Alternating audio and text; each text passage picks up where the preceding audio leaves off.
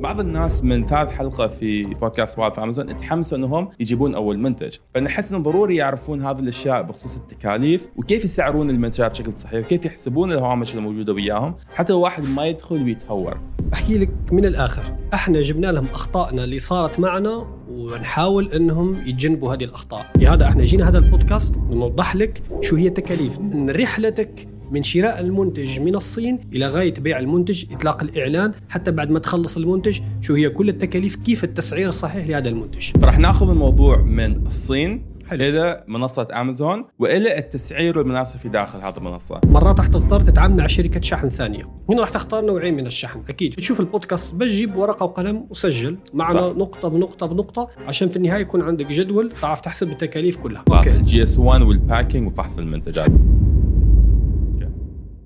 مرحبا فيكم في الحلقة الخامسة من بودكاست سوالف أمازون. استلم رسائل كثيره تقول لي صلاح أنا طرحت منتج في داخل منصة أمازون بس ما عندي مبيعات، طرحت منتج في داخل المنصه ولكن ما في أي حد جالس يدخل ويشتري رغم إن المنتج هذا فيه عليه طلب. لذلك في هذه الحلقة من بودكاست سوالف أمازون رح نتكلم أنا والاستاذ مسلم خيروني بخصوص طريقة تسعير المنتجات، تكاليف المنتجات، وكل الأشياء اللي تدخل في حساب التكاليف بشكل صحيح، بالإضافة إلى كيفية تسعير المنتجات في داخل المنصة للمنافسة بشكل صحيح. مرحبا مسلم. مساء الخير صلاح. مساء مساء الخير فعلا لأن جالسين نصور الحلقة هذه وقت الليل صح أول, أول مرة. بودكاست بنسويه بالليل والجو yeah. برد برا في دبي الحين وشايف لابس إيه إيه. جاكيت والروعة يعني الأجواء تخلينا نقدم محتوى إن شاء الله بيكون ممتع أنا بس عشان المنصت ياخذ فكرة أنا كنت موجود في الحلاق أحلق الحين ومسلم جاي. نعيما. الله ينعم عليك ويمر عليه من هناك و... والله. واصلا متأخرين. عادي عادي. المهم إحنا ما يهمنا الزمن بس يهمنا نوعية المحتوى. بالضبط. نعطيهم محتوى في وقت قصير إن شاء الله. بالضبط كويس. بالضبط. فمن نصور اليوم الموضوع هذا لأن أنا أحس ضروري نتكلم عنه لأن في كثير ناس السنة الجديده راح يبدأوا يبدأون تجاراتهم الخاصة راح يبدأوا يطلقون منتجاتهم الجديدة. بعض الناس من ثالث حلقة في بودكاست سوالف امازون تحمسوا إنهم يجيبون أول منتج. فنحس إنه ضروري يعرفون هذه الأشياء بخصوص التكاليف وكيف يسعرون المنتجات بشكل صحيح وكيف يحسبون الهوامش الموجودة وياهم حتى الواحد ما يدخل ويتهور. فاستاذ مسلم ادخل على هذا الموضوع واعطينا لمحة عن ليش هذا الموضوع أصلا مهم من الاساس وليش الشخص يمضي نص ساعة يسمعني الحين. ليش الموضوع مهم؟ أحكي لك من الآخر. إحنا جبنا لهم أخطائنا اللي صارت معنا ونحاول إنهم يتجنبوا هذه الأخطاء. أنا كبائع أنت كبائع وتعاملنا مع كثير بائعين الأمازون شفنا إنه في أخطاء صارت معهم. فأنت لما تشوف هذا البودكاست راح تختصر عليك هذه المرحلة الطويلة وما توقع في نفس الأخطاء اللي وقعوا فيها. شو بقصد بالأخطاء؟ إنه أنا شخصيا وأنت صلاح بعد كثير ناس بياعين بيجوك بيقول لك والله أنا تفاجأت اللي ما كنت عارف هاي الرسوم علي. أو أنا كنت ببيع المنتج بس لما وصلتني الفلوس تحولت على حسابي البنكي طلعت الفلوس يعني بعت المنتج بهامش ربح بسيط أو حتى بعت المنتج بخسارة. فللأسف كثير من البياعين عندهم جهل بالرسوم اللي عليهم وعندهم نقص معرفة إنه كيف يحسب التكلفة الحقيقية تبعه وكيف يطلع هامش الربح الحقيقي لهذا إحنا جينا هذا البودكاست نوضح لك شو هي التكاليف. من رحلتك من شراء المنتج من الصين إلى غاية بيع المنتج إطلاق الإعلان حتى بعد ما تخلص المنتج شو هي كل التكاليف كيف التسعير الصحيح لهذا المنتج. واضح. فرح ناخذ الموضوع من الصين حلو. إلى منصة أمازون وإلى التسعير المناسب في داخل هذه المنصة. أنا أحس إذا نغطي كل هذه التكاليف راح يكون في نقطة واحدة إضافية تختص بالعرض اللي أصلا يخلي المستهلك أيضا يتم عمليه الشراء. فهل هذا الشيء راح نناقشه في الحلقات القادمة؟ اي صحيح راح نروح شوي شوي وإن شاء الله نوصل الحلقات القادمة ونتناول كل هاي النقاط. خلاص في الحلقة القادمة راح نتكلم عن هذا الموضوع. الآن خلينا ندخل بالتفصيل. فتاكد إنك تتابع البودكاست هذا وتسوي subscribe أو تنصح بشخص أنت تعرف جالس يبيع في داخل المنصة حتى تقدر تشوف تسلسل هذه العملية من البداية إلى النهاية ويكون معك فكرة واضحة وأنت تدخل في البيع. فنبدأ في الصين نتكلم عن علي بابا صحيح؟ حلو ممتاز. نتكلم عن علي بابا. الصين إحنا نقول الصين علي بابا لأنه أشهر موقع في اللي بيشتري من مواقع ثانية في اللي بيشتري من تركيا. ما إحنا بنتكلم بصفه عامة من رحلتك من شراء المنتج بالجملة لغاية بيع على امازون فخلينا نروح على علي بابا كنموذج. تمام. فراح نعطي مثال عشان بالأمثلة تتوضح الأمور وتكون ممتاز. الأمور بسيطة. فأنا بدي أبيع طقم صحون.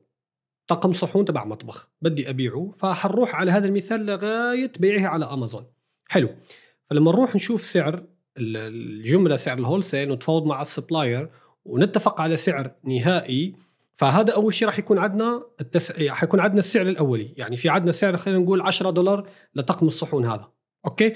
صارت عندنا ال 10 دولار هذه من ضمن التكاليف. مرات رح تشحن مع ال manufacturer أو مع المصنع نفسه مرات رح تضطر تتعامل مع شركة شحن ثانية. شركات الشحن الثانية ممكن تكون موجودة في مدينة غير مدينة اللي بيع فيها اللي هو ال wholesaler أو بائع الجملة.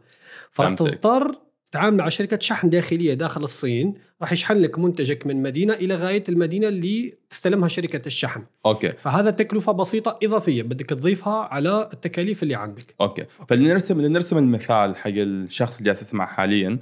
معظم المنتجات من الصين تطلع إما من شانغهاي أو تطلع من شنجن صحيح. شنجن إذا جاي صوبنا نحن okay. أو شانغهاي إذا راح يصوب أمريكا. صحيح. okay فاذا أنت مثلا موجود في صلالة حاليا وعندك مصنع في صلالة حلو. وتريد تشحن إلى السعودية لازم المنتج يمر إلين مسقط كمثال. أو أقرب مثال- ميناء مثال حلو، حتى صح. يطلع. okay. صحيح. ففي تكاليف للشحن من صلالة إلى مسقط. 100% okay. صحيح. هاي التكاليف بدك تحسبها وتضيفها لأنه بعدين ما تقول من وين إجتني تكاليف وأنا ما عارف عليها. أها. إذا البائع نفسه بيشحن لك المنتج على طول هي okay ما عندك تكاليف شحن داخلي. تمام؟ okay. بعدين وصلت المنتج شحنه من من الصين إلى غاية ال- ال- الأمازون FBA. هنا راح تختار نوعين من الشحن. أكيد في عندك الشحن الجوي وفي عندك الشحن البحري. الشحن صحيح. البحري راح يكون أرخص وفترته طويلة والشحن الجوي راح يكون أسرع وتكاليفه راح تكون عالية. فبدك تضيف تكاليف الشحن اللي هو الشحن البحري أو الجوي إلى التكاليف الأولى اللي هي شراء سعر المنتج والشحن الداخلي. فصار عندك ثلاث تكاليف هلأ. سعر الشحن كيف بتحسبه؟ خلينا نقول اشتريت آه، 50 قطعة والشحن تبعها 500 دولار. فتقسم 500 على 50 يطلع عندك شحن القطعة الواحدة 10 دولار. فضفت ال 10 دولار على سعر ال- المنتج. بعد ما شحنت المنتج وصل منتجك للامازون FBA ما راح تخلص التكاليف صلاح. هنا بدك تشوف شغلات ثانية. إذا المنتج اللي هو ال- البائع عنده صور professional high resolution للمنتج okay ما راح أحتاج تكاليف تصوير للمنتج. لكن بطبيعة الحال إذا المنتج كان customized أنت طلبت فيه بيكون فيه لوجو معين بيكون فيه تمييز معين بتكون فيه إضافة معينة بطبيعة الحال مش راح يكون عند الشخص المصنع مش راح يكون عنده صور. فراح تضطر تعمل ال photoshoot للمنتج تبعك. فهذه تكاليف لازم تجيبها. يعني تسأل كم بيكون التصوير. ممكن يكلفك المنتج. واحد 3 دولار 2 دولار. فراح تضيف تكلفة تصوير المنتج إلى التكاليف الأخرى. فهمتك. okay. فأنت اللي بتشوف البودكاست بس جيب ورقة وقلم وسجل. معنا صح. نقطة بنقطة بنقطة عشان في النهاية يكون عندك جدول تعرف تحسب التكاليف كلها. تمام. رايحين معكم بالأمثلة عشان تكون الأمور بسيطة. صورنا المنتج ضفنا للتكاليف. شو راح يكون عندنا؟ راح يكون عندك ممكن خلينا نقول آه، تصوير المنتج وال listing نسميها ال listing fees okay؟ ال listing fees إذا عندك حد يضيف لك المنتجات بسعر معين أو أنت تضيف المنتجات لحالك it's up to you فراح تكون تكاليف إضافية مم. أو راح تكون بدون تكاليف. okay واضح جدا. تمام. فخلينا نأخذها بشكل تسلسلي. الحين إذا أنت جالس تبدا هذه العملية اولا عليك تشوف وين المصنع موجود. perfect أيضا المصنع ما موجود في شنجن أو جوانجو احتمال كبير إذا كان موجود صوب شانغهاي أو في نص الصين راح يكون في تكلفة شحن داخلي وهذه التكلفة ما راح تظهر الا ما بعد تتواصل ويا المورد وأثناء فترة الشحن. 100% أوكي فتكاليف شحن مالك راح تكون أعلى من الأساس. حلو. من بعدها من بعد ما ناخذ هذه التكاليف كاملة بيكون معنا تكلفة الشحن نفسها من المور... من شركة الشحن. أوكي؟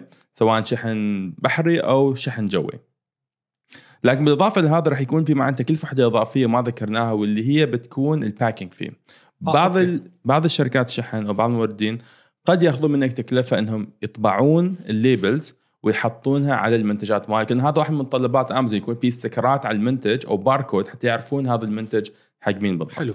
صحيح هاي هاي النقطة إحنا جمعناها ووفرناها من الأول. لو فينا نفصل مثلا خلينا نقول إذا بدك تشتري GS1 باركود رح تكون تكلفة إضافية، إذا صحيح بدك مثلا special packaging غير اللي بيجي مع المنتج نفسه بدك يكون أحسن، بدك تضيف. تغليف حماية أكثر، بدك تضيف شغلات هاي يعني إحنا كامل. حكينا ال basic بس أوكي كلامك مضبوط 100% ومن الأحسن أن نشير لكل التفاصيل هاي أحسن. عشان الاشخاص تكون. فعندك الباركود عندك ال packaging عندك حتى في شركات بالصين تفحص لك المنتج قبل ما يرسل لك إياه. ممتاز. فراح تكون هذه فحص جودة المنتج تكاليف إضافية. خلينا ناخذ هذه الثلاث نقاط. ال GS1 وال packaging وفحص المنتجات. حلو.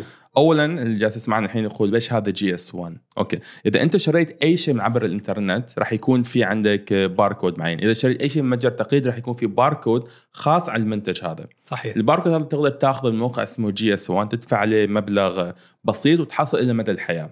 صح. تحطيه على المنتجات مالك ترسله من منصة امازون أي وقت أنت تاخذ هذا المنتج من امازون تحطيه متجر تقليدي الباركود هذا راح يكون فريد حقك أنت. ممتاز. وحتى اللي بيشوف البودكاست ما تخاف يعني حتى إذا ما بدك تشتري باركود أو تسرعت واشتريت المنتج بدون باركود في إمكانية إنك تضيف المنتج على امازون بدون باركود امازون صحيح. مسهل لك الأمور فيك تضيف منتجك ك generic فيك بعد ما تجيب المنتج وبيوصل لعندك تشتري له باركود وتحط. الباركود عليه يعني الأمور بسيطة وسهلة حلو. أمور بسيطة وسهلة تمام آه.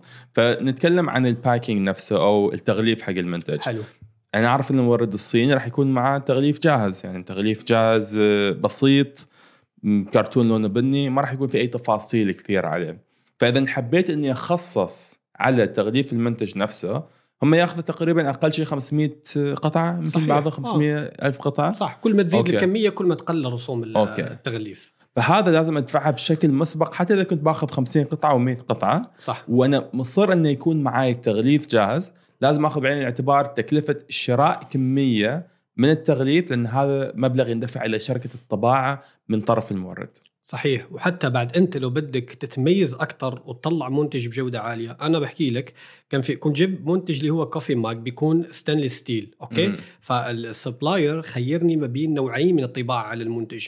النوع النوع الأول هو يكون طباعة طباعة عادية أوكي. يعني طباعة ملونة. والنوع الثاني يكون محفور بالليزر. wow. حفر بالليزر. فبيقول لي مثلا لو الطباعة العادية بتكلفك آه، واحد دولار زيادة لو طبع بالليزر بكلفك 2 دولار زيادة. إيه. فلو بدك ال product تبعك يطلع احسن quality أو بدك تتميز عن المنتجات اللي موجودة بأمازون من البياعين الثانيين فراح تروح مع البيع الأقصى حدود. تغير ال packaging تبعك تغير نوع الطباعة تغير حتى ال protection تبع المنتج نفسه. يعني هذه تكون خاصة فيك أنت. that's it ممتاز أي. ممتاز. فعلى النقطة هذه ذكرتها شخص بيقول زين وش بخصوص اللوجو مالي على المنتج نفسه؟ وضروري ندخل على هذه النقطة لأن إذا أنت سويت تخصيص معين على منصة أمازون أو على منتجاتك الخاصة اللي بيصير واحد من شيئين.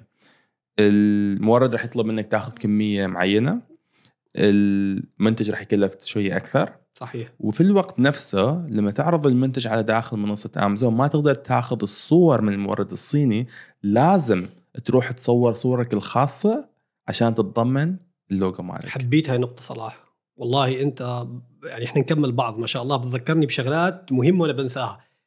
قصة إنك تميز المنتج تبعك بلوجو خاص فيك كثير مهمة حتى إنها تكلفك زيادة هذا راح يحميك من ال hijackers من البياعين الثانيين. أنا بروح أجيب منتج جاهز من ال supplier باعه لخمسة أو عشرة بياعين غيري.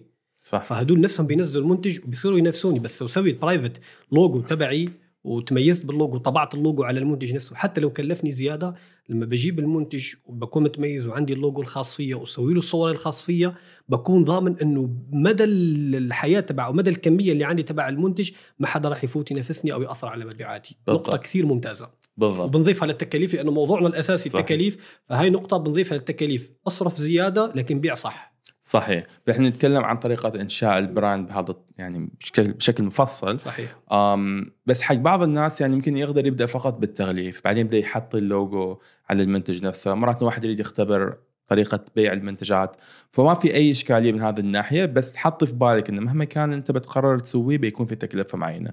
طيب الحين قلنا نتكلم عن النقطة الثالثة واللي هي بتكون موضوع الفحص. إذا أنا سويت أي تخصيص على المنتج كي أعطيك قصة خليني أعطيك قصة أحسن. حلو حلو. بحب قصصك أنا.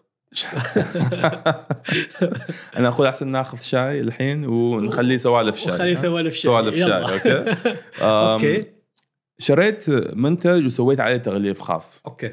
صور خاصة تغليف ملون وما سويت فحص عليه. آه ما فحصت التغليف. فحص المنتج ما فحص ما فحصت التغليف حلو. لأنه كان ضمن الطباعة لسه أوكي. المنتج اللي وصل التغليف كان سيء جدا بالجودة. مهم. تقدر تشوف كأن كأنك خذيت التغليف حطيته في ماي آه. بعدين طلعته يعني very low quality very very low quality كان. okay. الحروف والحبر ما كان حتى ينفهم لما تشوف التغليف مم. نفسه. فهذه نقطة جدا مهمة لأن إذا سويت فحص على التغليف ويا المنتج وخصصت أن لازم التغليف يطابق ويا مواصفات معينة شفت. الصور بشكل واضح ما تسرعت في إتمام عملية الطلب كنت بقدر أمسك ها في شيء غلط هنا هذا الشيء ممكن يكون أحسن. فخلينا نتكلم عن الفحص وليش هذا مهم كتكلفة إضافية. صحيح. حق التاجر في أمازون. perfect قبل الفحص خلينا ننبه اللي بيشتري إنه لا تثق دائما في الصور المعروضة اللي بيعرضها ال s- ال supplier. اطلب تواصل مع ال supplier على تشات اطلب منه real photos يعني صور مصورة بالموبايل. اطلب منه يمسك المنتج بإيده بيلف لك إياه فيديو. ممتاز. يعني ال supplier كل البائعين على علي بابا متعاونين لأقصى حد. ما في بائع رح يرفض إلا لو رفض خلص ما ما تشتري من هذاك البائع لأنه في شيء لا يطابق الصورة الحقيقية. فأنت فيك حتى تفحص المنتج لحالك مع ال supplier. صور لي التغليف صور لي المنتج من تحت. آه، امسك المنتج وطويه بإيدك عشان أشوف الخامة تبعه. سوي لي فيديو لف لي تتصل فيه حتى. video call. تسووا مع بعض فيديو في call. video call عادي. إيه. فحلو. لو بدك تروح ل high level بدك تضمن منتجك يوصل خلص. سوي فحص الجودة اصرف فلوس زياده وسوي فحص المنتج عشان الناس اللي بترسل منتجاتها على طول ال FBA ما ترسلوا على بي- على بيتها وبعدين تسوي FBA shipment خاصة العمانيين البحرينيين الكويتيين القطريين اللي ساكنين خارج إيه. الإمارات أو خارج السعودية وبيبيعوا في امازون الإمارات والسعودية.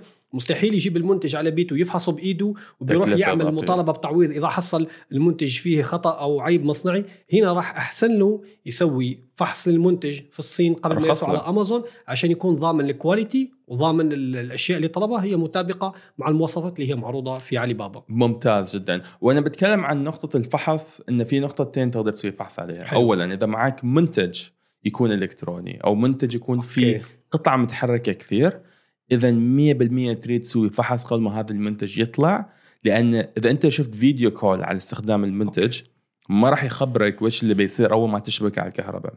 حق منتجات ثانية مثل انت بتستورد وسادة كمثال. آه.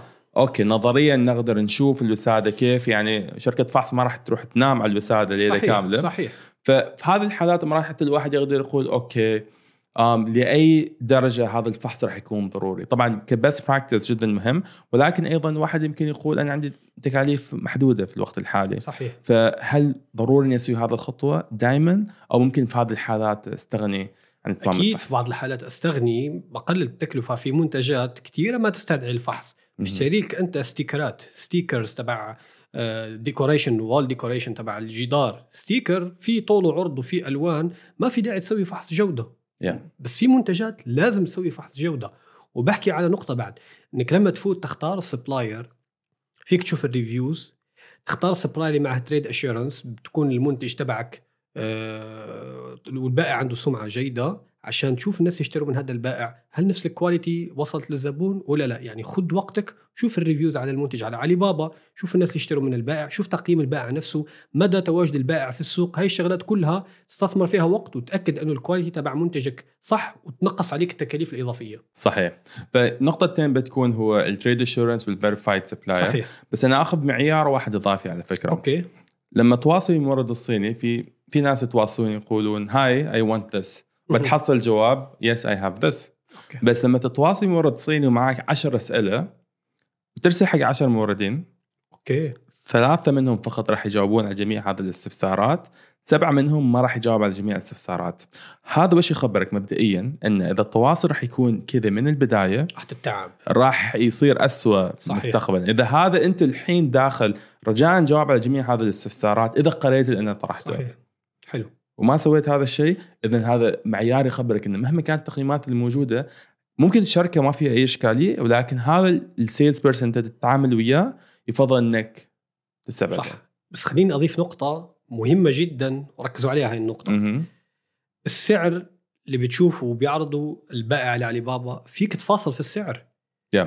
you can negotiate the price ما في يعني أنت المنتج بيبيع ب 10 دولار صدقني فيك تنزل لحتى 5 دولار 6 دولار. يعني السعر مش سعر نهائي أنت مش رح تشتري من مول من من محل من مول. فيك تروح تقول له أنا والله بدي أصير customer تبعك فيك تنزل لي السعر. أو في بيكون عارض سعر مثلا ال 200 حبة ب 3 دولار ولل 1000 حبة ب 2.5 دولار. okay. فيك تروح تاخذ ال 2.5 دولار وتتفاوض مع البائع. وكثير بائعين أنا تجربتي الخاصة ولا مرة اشتريت منتج بسعره الاصلي المعروض. على طول أفاصل مع البائعين بحاول أناقش معه بالسعر لأني بدي أصير زبون مستمر معك. في عندي متجر بدي أشتري منك كذا مرة. هاي الشغلات رح تنقص عليك التكاليف صلاح.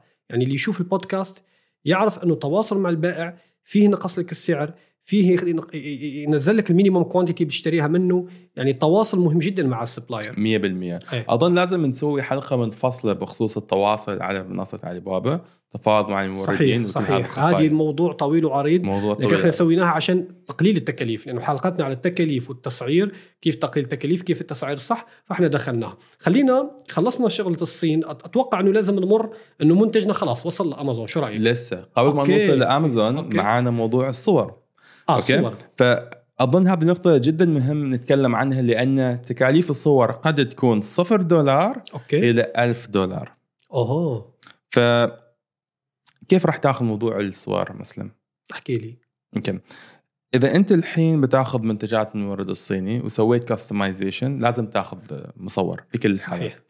إذا معك فقط تغليف بس المنتج الأساسي لا زال نفس الشيء تقدر تاخذ صور احترافية من المورد الصيني نفسه. صحيح. المورد الصيني مسوين professional photography مع background أبيض. صحيح. وتاخذ الصور من عنده. بعض الحالات قد يكون مورد ما عنده هذه الصور الاحترافية. فالحين انت تقدر توظف شركة تصوير في الصين من منصة علي بابا أوكي. بسعر أرخص جدا مما قد تدفع هنا في الإمارات والسعودية. wow.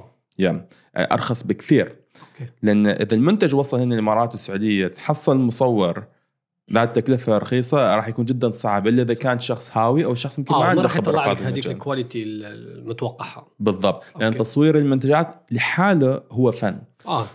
بس في سيناريو إنك قد تدفع 600 800 900 ألف دولار على صور وتكتشف إن هذه الصور أصلا ما كان لها أي داعي. آه موجودة. أو إيه. شو قصدك يعني؟ لا. إنك تدفع أكثر على الصور ما يعني إن الصور راح تكون أحسن. أوكي. أوكي؟ أوكي. تعرف ليش؟ ليش؟ أوكي. خبرني خمن.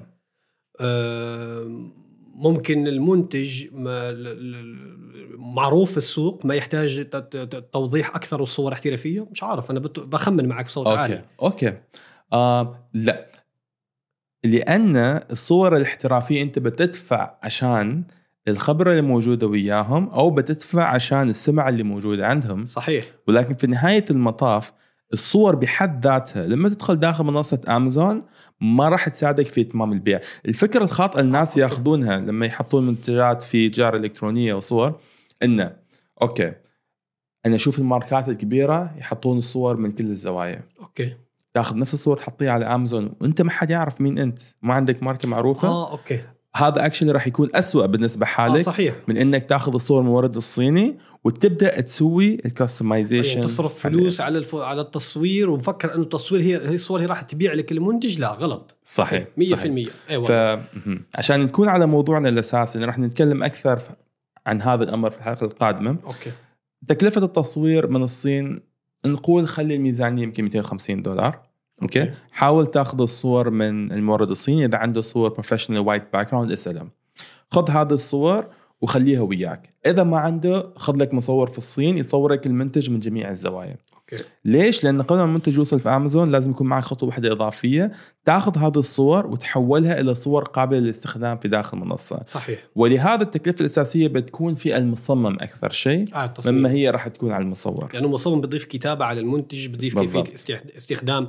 خلينا نقول لو آه، آه، آه، car baby seat ال designer بيوضح لك الأشكال الثلاثة للكرسي كيف بينطوى كيف بيرتفع كيف بيتعدل. ال size بيكتب لك كتابة adjustable بيحط لك من هنا بتلف بيحط لك من هنا كيف تطويه فهاي ال designer بدك بده يوضح لك الشغلات هاي فال designer نفس الشيء عنده تكلفة. إيه وأنا اكتشفت هذا الشيء صراحة بطريقة صعبة. يعني أتذكر حتى سويت فيديو عنه قبل زمان. صرفت ألف دولار على الصور. أوكي. و واحد واحد صيني عنده عرض حق منتج مالي باين إنه Photoshop Photoshop سيء جدا. أوكي. المنتج موجود بكبر الطفل والطفل ما أعرف ماخذين stock photos وموجودين على جبل وتشوف المنتج كذا عرض داخل على الصورة. أوكي؟ غريب والله. والرجال conversion ماله أحسن لأنه. عنده نصوص يشرح آه صحيح. اي مسالك داخل أمازون يحب يفهم ويش هذا المنتج أكثر ما هو يحب يشوف هذا المنتج لأنه لما نروح متجر تقليدي راح نمسك المنتجات صحيح ونشوفهم. طبيعة إيه. الحال. صح. حلو. فهذه نقطة جدا جدا مهمة وحبينا نذكرها بخصوص تكاليف التصميم والتصوير قبل ما. نوصل إلى منصة أمازون ممتاز. ممتاز أوكي. الحين. خلصنا هاي التكاليف كلها. صار منتج منتجي موجود مخازن الأمازون. وصل المنتج بسلام كل الكمية وصلت صار المنتج قابل للبيع. هل هذيك التكاليف بس هي اللي علي وهذاك المنتج راح أبيعه راح حسب التكاليف ولا في تكاليف إضافية؟ في تكاليف إضافية وأهم بكثير يعني هاي التكاليف لازم تعرف عنها صح. ممتاز. أمازون الإمارات السعودية ما ياخذ منك رسوم شهرية ما ياخذ منك اشتراك شهري ما ياخذ منك اشتراك سنوي. في الوقت الحالي على عكس نعم. في الوقت الحالي على عكس أمازون آه، أمريكا مثلا. من وين ياخذ أمازون ال- الفايدة تبعه؟ منين منين ياخذ فلوس أمازون؟ بياخذ نسبة من مبيعاتك. والنسبة هاي اللي اسمها بنسميها ال referral fees تختلف من category لثاني. في عندك النسبة اللي بياخذها امازون على ال home appliances ال large home appliances على ال washing machine على ال fridge على ال cooker غير النسبة اللي ياخذها على ال phone accessories غير النسبة اللي ياخذها على ال toys غير النسبة اللي ياخذها على ال kitchen آه على ال kitchen accessories فأنت لازم تعرف النسبة اللي بياخذها امازون من ال category اللي أنت اللي تبيع فيه. فأنت لو تبيع صحون مطبخ خلينا نقول تختلف النسبة مثلا من 8% في منتجات بياخذ عليها امازون 12% 11% هي تعتبر تكاليف. لو انت تبيع المنتج ب 100 درهم أمازون ياخذ معك 12 درهم نسبة من. المبيعات ك referral fees. أوكي. رسوم أمازون رسوم ال category رسوم الصنف. هاي بتسمى رسوم الصنف. بتفوت على أمازون أو بتكتب في الجوجل بس أمازون UAE referral fees أمازون سعودية referral fees بتطلع لك قائمة بالمنتجات.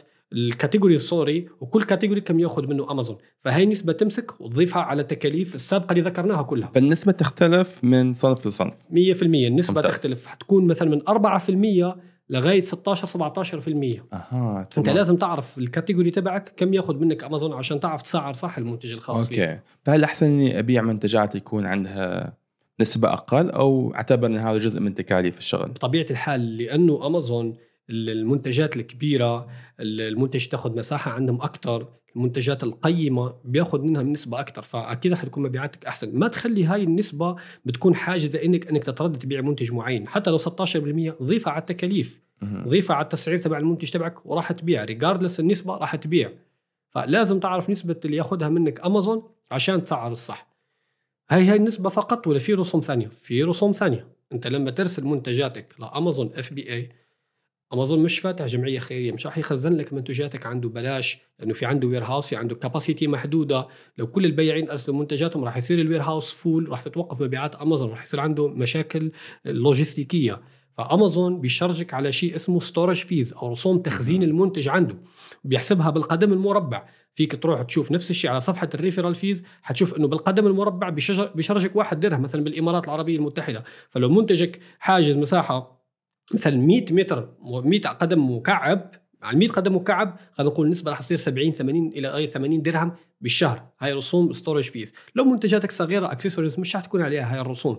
بس لازم على طول تضيف مبلغ معين لرسوم تخزين الأمازون حتى تحسبها في التكلفة. حلو. فهمتك okay. فبدي أضيف نقطة ثالثة. هل رسوم التخزين الأمازون storage fees بس ورسوم ال FBA بس؟ لا بقول لك في رسوم ثانية. الرسوم الثالثة sorry اللي هي اسمها ال aging stock شو قصدي بال aging stock صلاح أنت لو منتجك آه، ظل شهر شهرين ثلاثة مش مشكلة. فوق ال 90 يوم امازون. بيضاعف لك نسبة التخزين. أها. ليش؟ زي ما ذكرت في الأول امازون بياخذ مبيعاته آه sorry بياخذ أرباحه من مبيعاتك.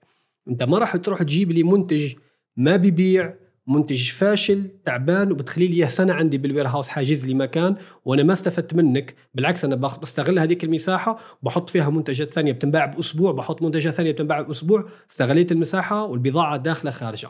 فأمازون شو بيقول لك؟ عشان بعد ثلاثة شهور ما انباعت منتجاتك بيصير ي charge ك شيء اسمه aging stock بعد 90 يوم. بعد 120 يوم بيضاعف لك البضاعة. بعد okay. 360 يوم بعد بيضاعف لك المبلغ. ليش؟ عشان أنت تحرص على ال inventory تبعك تعمل له clearance لو منتجك وصل 90 يوم ثلاث شهور ما انباع تحاول تنزل السعر تبعه عشان أمازون ما ي charge ك رسوم إيه. زيادة.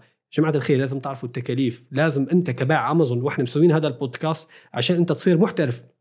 مش بس محترف في البيع مش أي شخص يجي يحط منتج بأمازون وبيبيعه وبيحط title وبيحط price وبيبيع يقول لك أنا بياع لا إحنا بنساعدك how to build strong experience on Amazon كيف تبني تجربة آه، وتكون عارف أسعارك تكون عارف كيف تسعر شو هي الرسوم اللي عليك.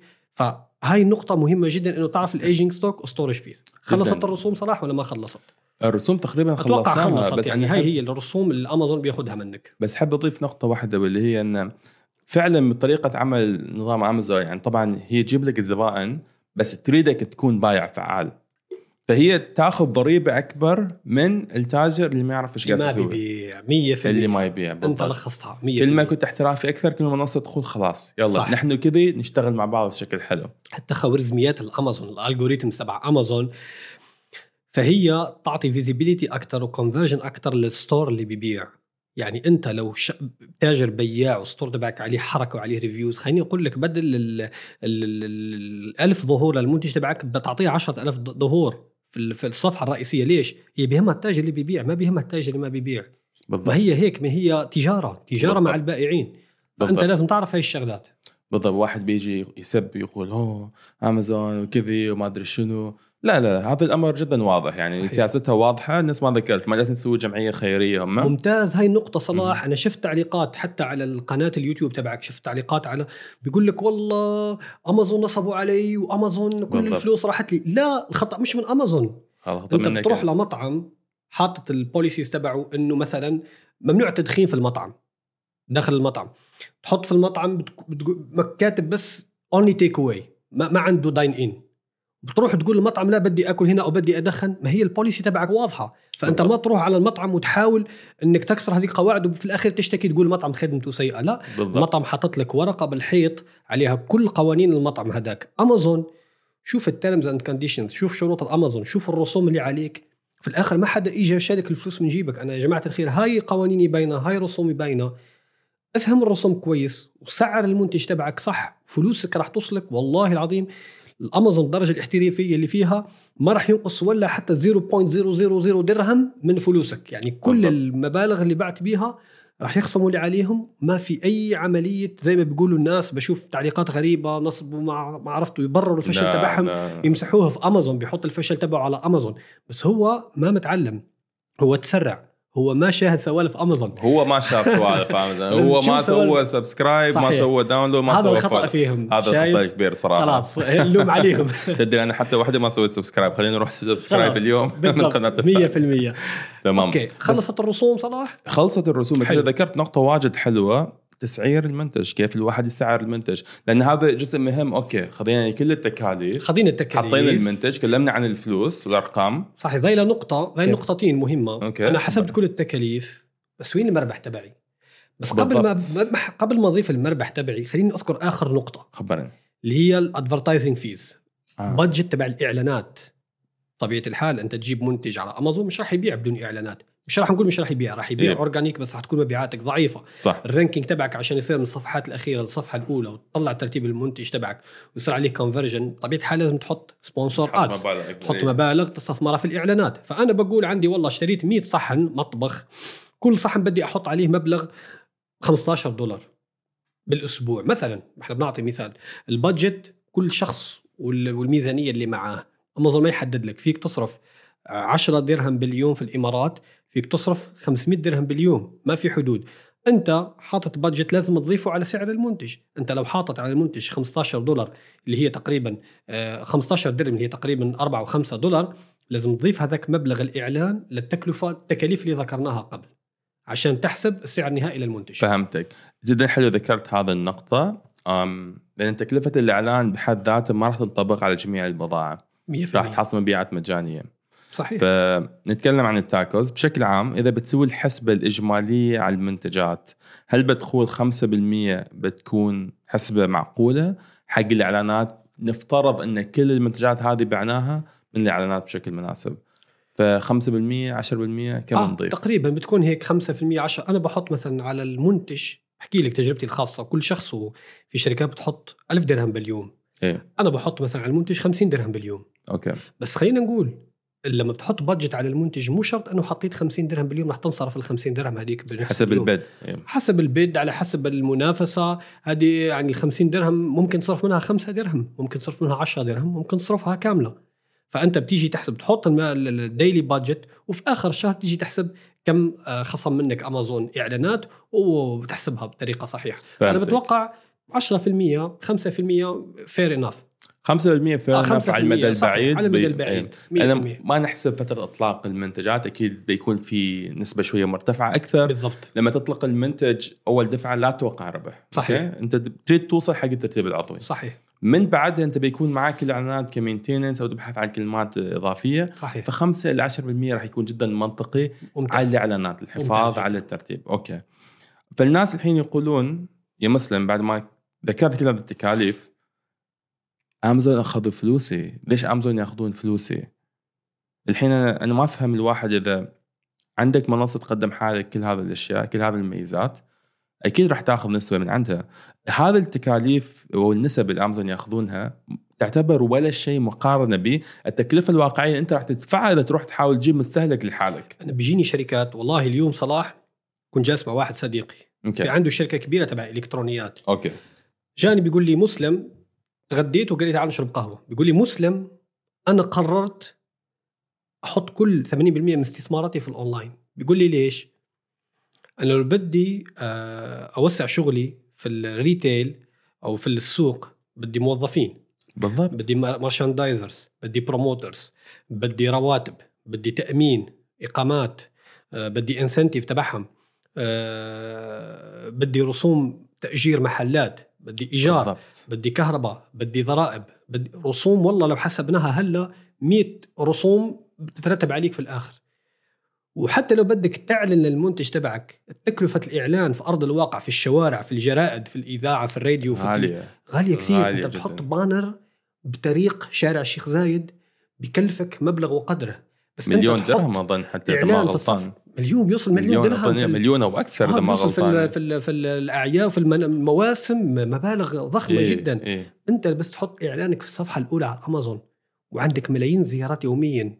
تقارن هي التكلفة بالتكلفة أنك تعلن على المنتج في أرض الواقع؟ لا لا. تقارن تكلفة آه، الاشتغال على المحتوى تبعك ال- البياعين وهدول رح تدفع لهم رواتب بالسوق وكهرباء و... ولا شيء. فأنت لا. ما تيجي تقول أمازون أخذ فلوسي أمازون بالعكس لو نقارن أمازون بالمبيعات التقليدية امازون كثير كثير كثير أرخص من إنك تستثمر في أرض الواقع. صح كلامك بس ما نقدر نقارن امازون ومبيعات تقليدية. صحيح. في شخص في شخص كلمني قبل ساعتين يقول لي أنا معاي متجر إلكترونيات في صلالة في دبي في الشارقة معاي متاجر. مستثمر يعني؟ أنت مستثمر. أوكي. أوكي؟ أقول له طيب ليش يعني أقول له طيب ليش تحب تسوي شيء في امازون؟ أوكي.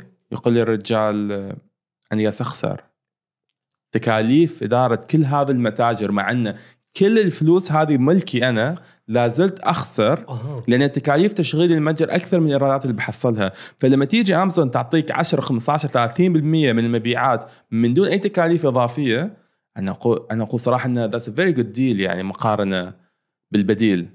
100% أنت لو اليوم فتحت المتجر تبعك فتحت الباب وفتحت المتجر تبعك في صلالة ومتجرك ما باع ولا قطعة باليوم أنت خسرت تكاليف تشغيلية تكاليف كلها. أمازون بالضبط. ما بعت يومين ثلاثة أيام أربع أيام ما عندك مشكل ما عندك مشكل مش هي الخسارة مقارنة بالمحلات اللي عنده في ال في ال. فهو هذا صاحبك فكر صح وهو صراحة بده يطور من حاله إنه فكر في امازون عشان ينقذ به مشروعه وينقذ به شركته من ال- الافلاس هو ما نعرف إذا بياخذ الخطوة فيمكن لما يشوف هذه الحلقة بيقدر يمكن يفهم الموضوع بشكل أنا أكبر بشجعه على القرار بشجع. اللي أخذه صراحة أنا كل شخص بفكر إنه يطور حاله ويفكر إنه مستقبلا بتكون عنده مكانة في السوق أنا بشجعه لهذا القرار حتى أوكي. وتاخذ القرار وتبلش اليوم وتشوف النتيجة بعد ستة سبع شهور بعد سنة راح تكون إنك بلشت from some point يعني بلشت من نقطة معينة ووصل المكان ال- الوقت اللي أنت حصدت فيه الاستثمار 100%. تبعك. أنا ما أريد أدخل على مواضيع جانبية بس أنا اليوم جالس أفكر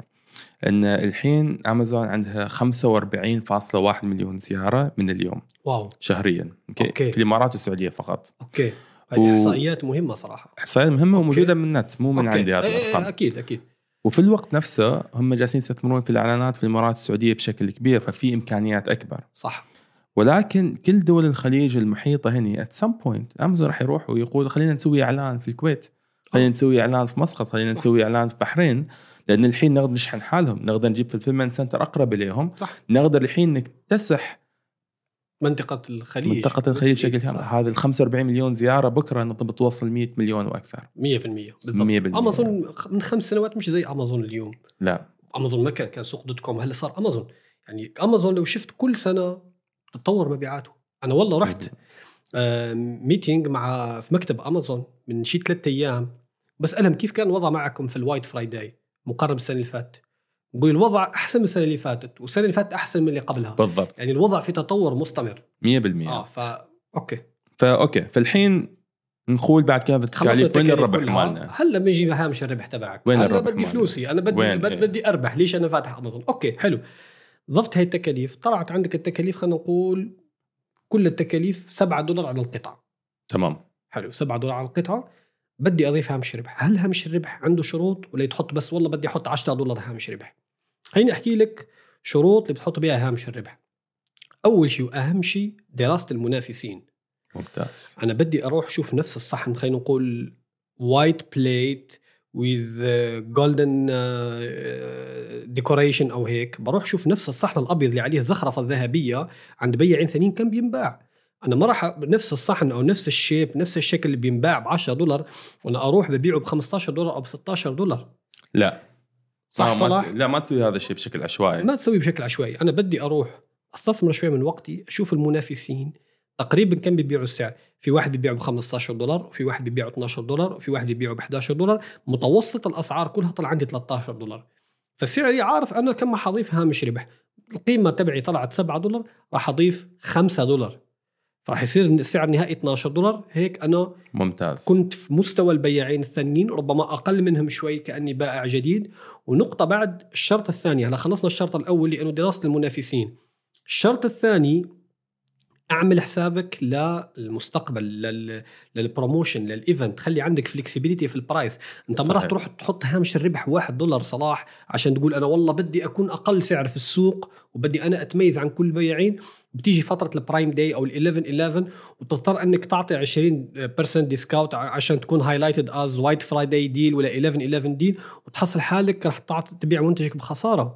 فأنت صحيح. على طول بال- بالهامش الربح تبعك ال profit margin تبعك خلي flexibility إنك تنزل بعد 2 دولار أو 3 دولار ك promotion عشان ما تبيع المنتج بخسارة. هو أنا احب إنك تجيب الأمر من هذا المنظور لأن في استراتيجية معينة في تفكير على المدى البعيد. يعني فعلا نرجع للنقطة إن لازم تفكر على هذا الأمر مو حق اليوم كم بربح بعد 30 يوم كيف راح أبيع خلال السنة كاملة؟ 100% وبخصوص التسعير مسلم أنا حتى بضيف شيء واحد. لما أحط المنتج بسوي ثلاث تسعيرات أوكي؟ حلو. التسعير الأول حق فتره الإطلاق. أشوف السعر المتوسط في السوق 10 دولار كمثال أنا راح أبيع على 8 أو 9 ممتاز. ما اريد ما أريد أجيب أي فلوس في البداية أريد ترتيب العضوي. صحيح. السعر الثاني بيكون السعر المستهدف اللي تدريجيا راح أرفعه أثناء فترة الإطلاق لحتى أصل إلى السعر المتوسط ويا بقية المنافسين. صحيح. بيكون معي تقييمين ثلاث تقييمات خمسة قيمات حلو. حصلنا حركة أكثر معنا ترتيب عضوي. فتدريجيا أنا الحين بديت أحط نفسي مع يعني صحيح. مع قاعدة مناسبة. 100% بالنقطة الثالثة الأخيرة بتكون وش السعر المحتمل إذا المنتج مالي كان متميز وكان كبراند اللي ممكن نوصل إليه؟ يمكن ما نوصل لهذا السعر بس وش اللي ممكن في حال قررت إني أروح على ال premium pricing بعدها؟ أيوه. فيكون معاه تصور على وين الأسعار ممكن تكون وفي النهاية طبعا ممكن حتى الأسعار هذه تنخفض بشكل كامل في السوق. فتحسب بالهامش الموجود وياه هل هذا بيكون كافي؟ حلو. إني أكون موجود في السوق في اسوء الحالات اللي صارت أو اذا ممتاز. صار في حرب سعرية. هيك راح تكون أنت سعرت منتجك صح؟ حسبت التكلفة صح وهامش الربح صح وداخل بتبيع صح. ممتاز مسلم حلو بس بدي أضيف في النهاية أتوقع غطينا كل النقاط. كل شيء. بدي أضيف في النهاية نقطتين مهمين. اللي راحت وتلخبطت عليه كل هاي الحسابات بقول لك إنه بس تضيف منتجك يصير listed على أمازون امازون راح يعطيك ال estimated fees أو يعطيك estimation على الرسوم بياخذها قدام المنتج. داخل المنصة. في أداة داخل امازون اسمها ال revenue calculator. تروح على الأداة ال calculator بيعطيك الرسوم بيعطيك كم يخصم منك FBA بيعطيك السعر ال net profit تبعك من الأخير. يعني داخل امازون نفسه في أدوات مساعدة اللي تخليك تحسب ال- ال- التكلفه وهامش الربح تبعك بطريقة صحيحة. ممتاز ممتاز. فتفتح حساب في امازون تقدر تستلم كل هذا صحيح الخصائص. 100% for free ما في أي شيء مدفوع داخل منصة امازون Free. تستفيد من هالأدوات for free free 99 free 99 free هذا good deal صراحة. إي والله إي والله. تمام مسلم. شكرا على هذه الحلقة. المثرية وشكرا على اقتراحك لهذا الموضوع على فكرة لأن فعلا على جميع الرسائل نستلمها جميع التعليقات اللي نشوفها هذا الفهم اللي موجود ما هو موضوع جذاب؟ الناس اللي يعرف كيف حصل المنتج كيف يبيع المنتج. صحيح. كيف استلم أرباح ماله. بس هذا جزء من العملية جزء جدا مهم. صحيح 100% فالحين نفس ما نعرف مسلم ان معانا الهوامش معانا الأرقام معانا كل شيء بس العرض مالنا جدا سيء. فهل هذا راح يلعب دور إذا الأرقام مالي صح في البداية؟ هذا رح يلعب دور كثير لهذا إحنا في الحلقة السادسة. إن شاء الله رح نتكلم أهمية ال content أهمية الأمازون SEO أهمية الصور في المتجر تبعك أهمية المحتوى أهمية تقييم المتجر. كيف رح تبني متجرك صح على أمازون؟ وكيف بتكون بائع قوي على أمازون؟ ممتاز مسلم ممتاز. شكرا, شكراً. ونشوفك في الحلقة السادسة. شكرا.